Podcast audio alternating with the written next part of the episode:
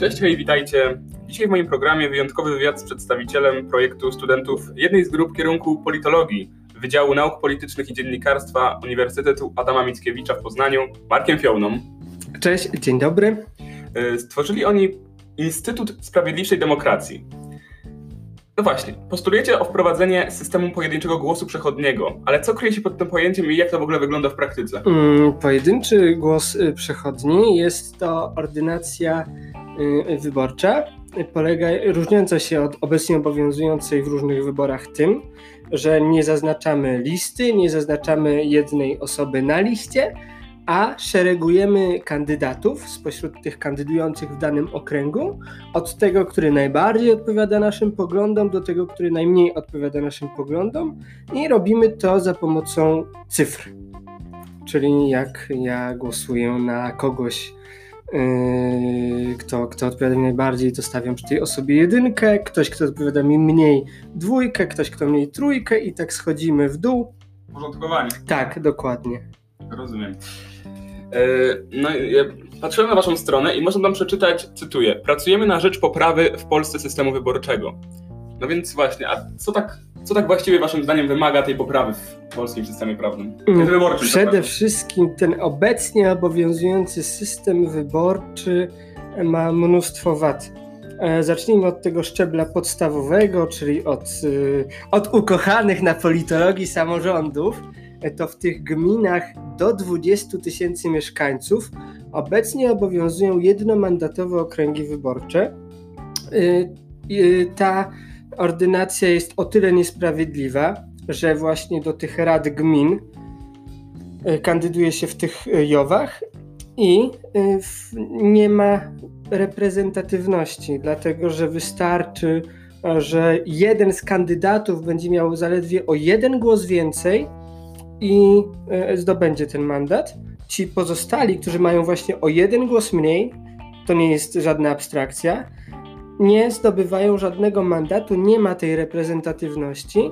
E, bywały takie sytuacje, na przykład w 2014 w Kutnie e, prezydencki komitet wyborczy do Rady przy poparciu takim procentowym, niewiele ponad 30%, zdobył aż 21 na 21 mandatów, czyli 1 trzecią głosów i 100% mandatów. To jest niereprezentatywne. E, idźmy wyżej. E, w wyborach e, do sejmików wojewódzkich 2018 rok zdarzyła się sytuacja, że komitety przekraczały progi w okręgach, przekraczały progi w województwach, przekraczały progi na poziomie kraju więc w teorii były uprawnione do podziału mandatów, ale metoda przeliczania głosów sprawiała, że tych mandatów nie było albo było ich nieproporcjonalnie mało w stosunku do liczby zdobytych głosów. I takie komitety to był y, komitet SLD Lewica Razem, y, który miał y, w niektórych okręgach właśnie poparcie ponad próg zero mandatów i najbardziej pokrzywdzony w tych wyborach, o tym mówią wszyscy analitycy tych wyborów, był to komitet Kukiz 15, który w skali kraju e, przekroczył próg, przekraczał progi w okręgach, w województwach i zdobył zero mandatów w sejmikach wojewódzkich. E, idźmy dalej. Sejm.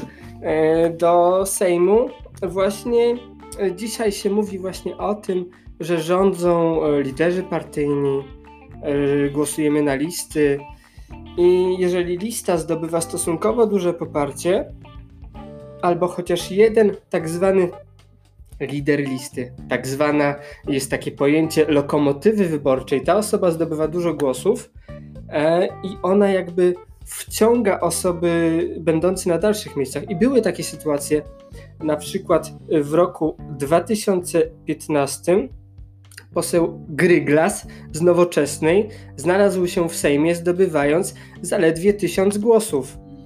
W tych wyborach e, były takie sytuacje, na przykład w Toruniu, e, na przykład w Gdańsku, w okręgu gdańskim. Pani, pani Jola Banach była taką osobą. Ona zdobyła ponad 20 tysięcy głosów. Niestety z tego systemu przeliczania tylko jeden mandat przypadł liście. Pan Sławomir Mencen w okręgu toruńskim też ofiara tej ordynacji. I tutaj właśnie mówi się o tym, że jest dysproporcja, prawda? Dlatego, że Prawo i Sprawiedliwość e, miało niecałe 40%, chyba to było 38% w wyborach w roku 2015, zdobyło 235 mandatów. 17% e, głosów zostało zmarnowanych ze względu na to, że komitety nie przekroczyły progu. O, to naprawdę nie jest sprawiedliwa ordynacja. I tutaj alternatywą, y, jako alternatywę tutaj mówi się o jowach, o ordynacji mieszanej. Prawie nikt nie mówi o tym, y, że istnieje STV, która z jednej strony y, niweluje błędy właśnie ordynacji tej obecnie obowiązującej proporcjonalnej i niweluje zdecydowanie tę niereprezentatywność jowów i łączy te wszystkie zalety, czyli to, że, że głosujemy na, na osobę, nie na listę. Rozumiem. E, no dobrze. A co da nam Polakom, zwłaszcza, no, że jesteśmy młodymi osobami, no i w naszych rękach niejako jest ten cały kraj, e, co w przyszłości da nam ten system? E, przede wszystkim STV y, zakłada to, y, że głosujemy na, na ludzi, nie na listy. Czyli mamy takie poczucie sprawczości.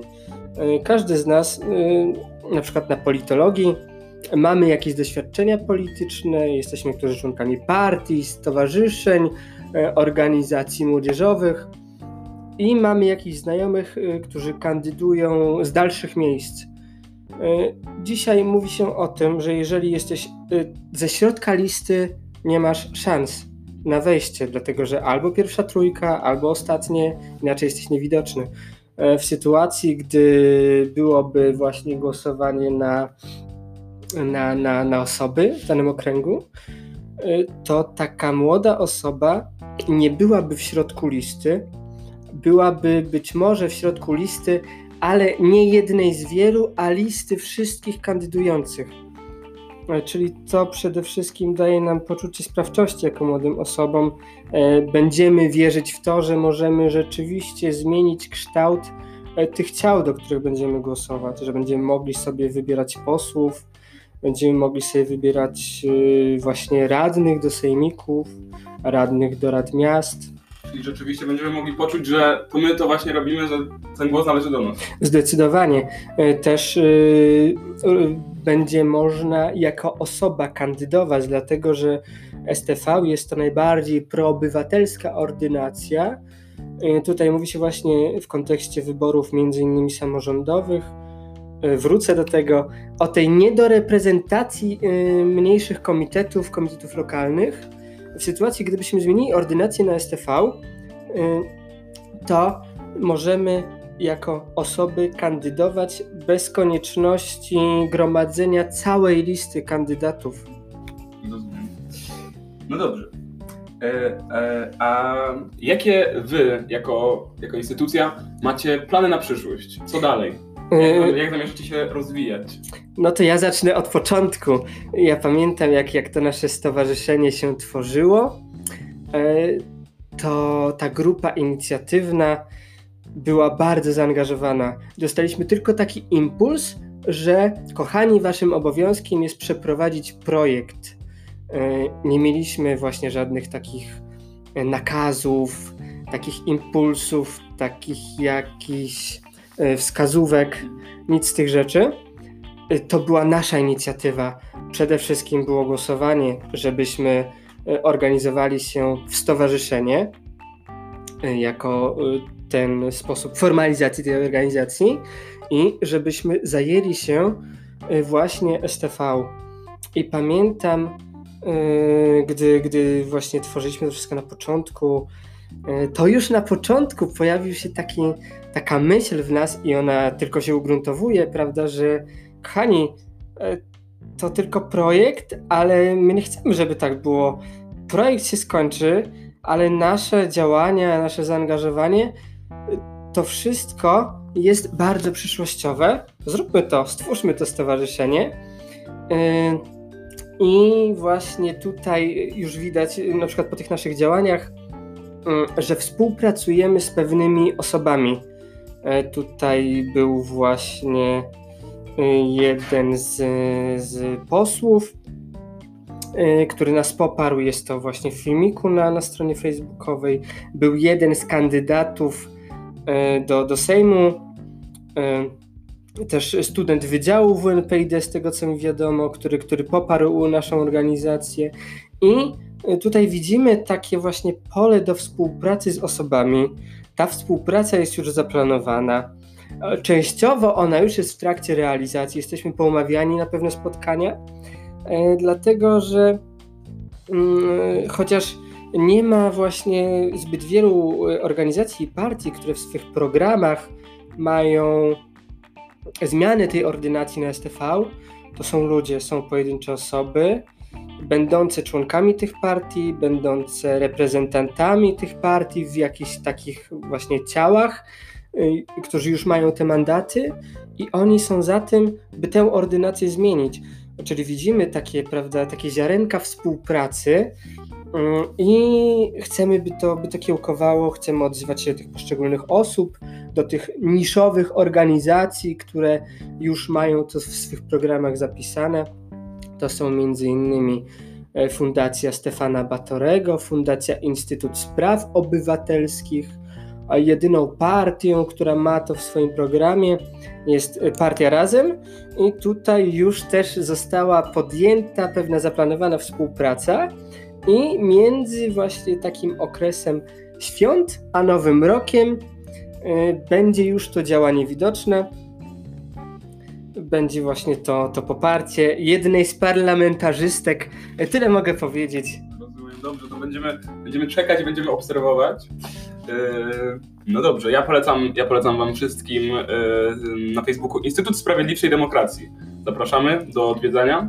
Macie też Instagrama? Tak, mamy Instagrama. To na Instagrama także zapraszamy bardzo serdecznie. A ja chciałem Cię zapytać, no dobra, bo Wy mieliście projekt do stworzenia i opowiedziałeś o tym projekcie, ale jak Waszym zdaniem prezentują się inne projekty? Czy, czy które Waszym zdaniem mogą podchodzić jako wasza konkurencja niejako? E, to tutaj, e, jeżeli chodzi o temat, to bezpośredniej konkurencji nie mamy, e, dlatego że dwa pozostałe projekty zajmują się kwestiami okołoekologicznymi, prawami zwierząt, tego typu.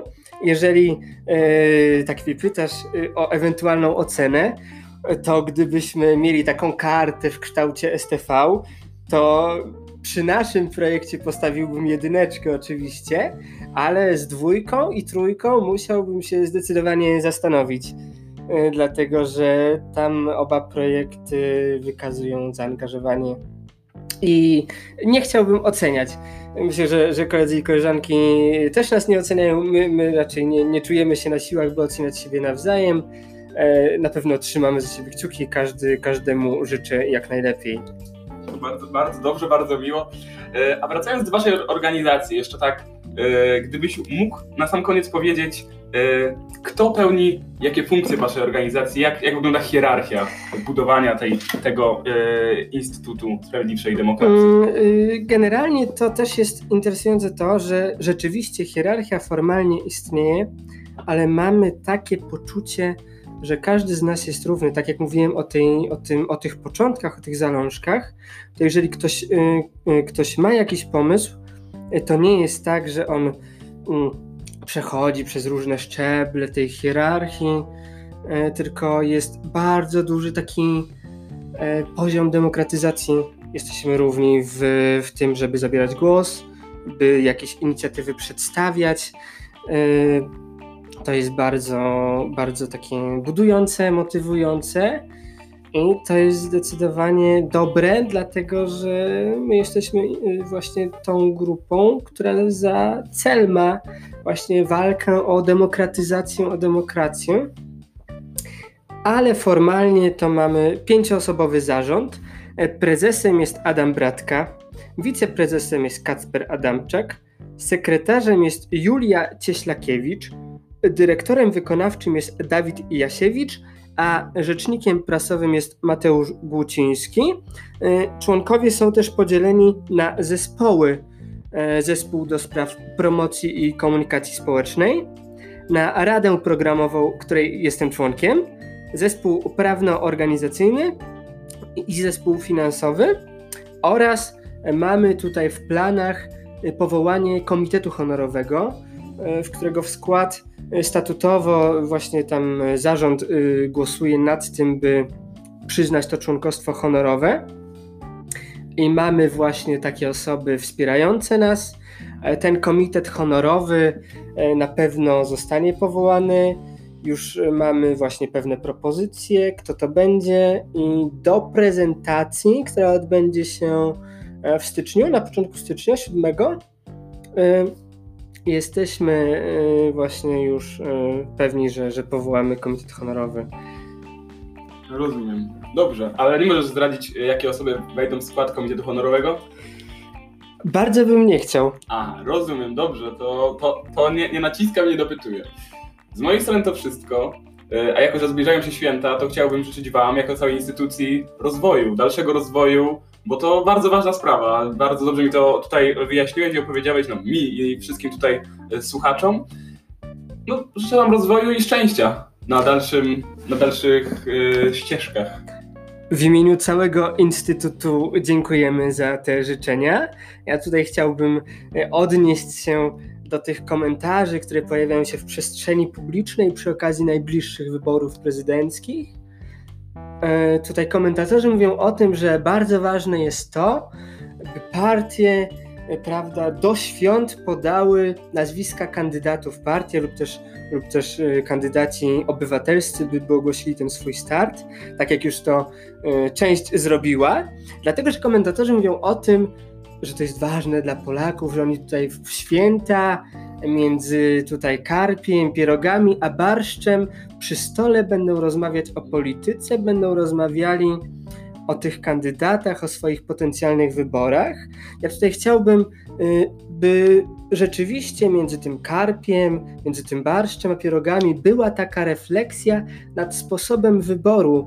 Wyobraźmy sobie wszyscy, że w pierwszej turze nie głosujemy w ten sposób, że wybieramy anty, głosujemy na mniejsze zło, głosujemy bardzo tak racjonalnie, pewien sposób ten racjonalizm jest narzucany, bo w, w kampanii y, głosy pojawiają się tego typu, prawda, głosuj na, bo jeżeli nie, to tamta osoba wygra w drugiej turze, to ja nie wejdę do drugiej tury. Yy, I tutaj są tego typu sugestie, ale wyobraźmy sobie wszyscy i myślmy o tym, że możemy głosować w sposób STV, czyli głosujemy w zgodzie z samymi sobą, głosujemy na ludzi i możemy bez właśnie takiej świadomości gdzieś z tyłu głowy, że ojejku, zmarnuję głos, yy, będę miał potem wyrzuty sumienia, że będę mógł kiedyś szeregować kandydatów od tego, z którym się zgadzam najbardziej, do tego, z którym się zgadzam najmniej. I myślę, że właśnie to też powinna być jedna z tych okołoświątecznych refleksji. Yy, komentatorzy o tym nie mówią, ale my jako Instytut bardzo zachęcamy do takiego właśnie myślenia o wyborach, że one mogą być inne, że ordynacja może być inna i będziemy dążyć do tego, by istotnie zmieniać tę otaczającą nas rzeczywistość. Ja życzę szczęścia, aby te zmiany się powiodły. Moim gościem był Marek Fiołna, e, przedstawiciel Instytutu Sprawiedliwszej Demokracji. Dziękuję Ci za przybycie i za tutaj za ten wywiad. Dziękuję Adam za zaproszenie. W imieniu całego Instytutu wszystkich słuchaczy serdecznie pozdrawiam. Ja jestem Adam Błaszczyk, a to było Szukając Atencji.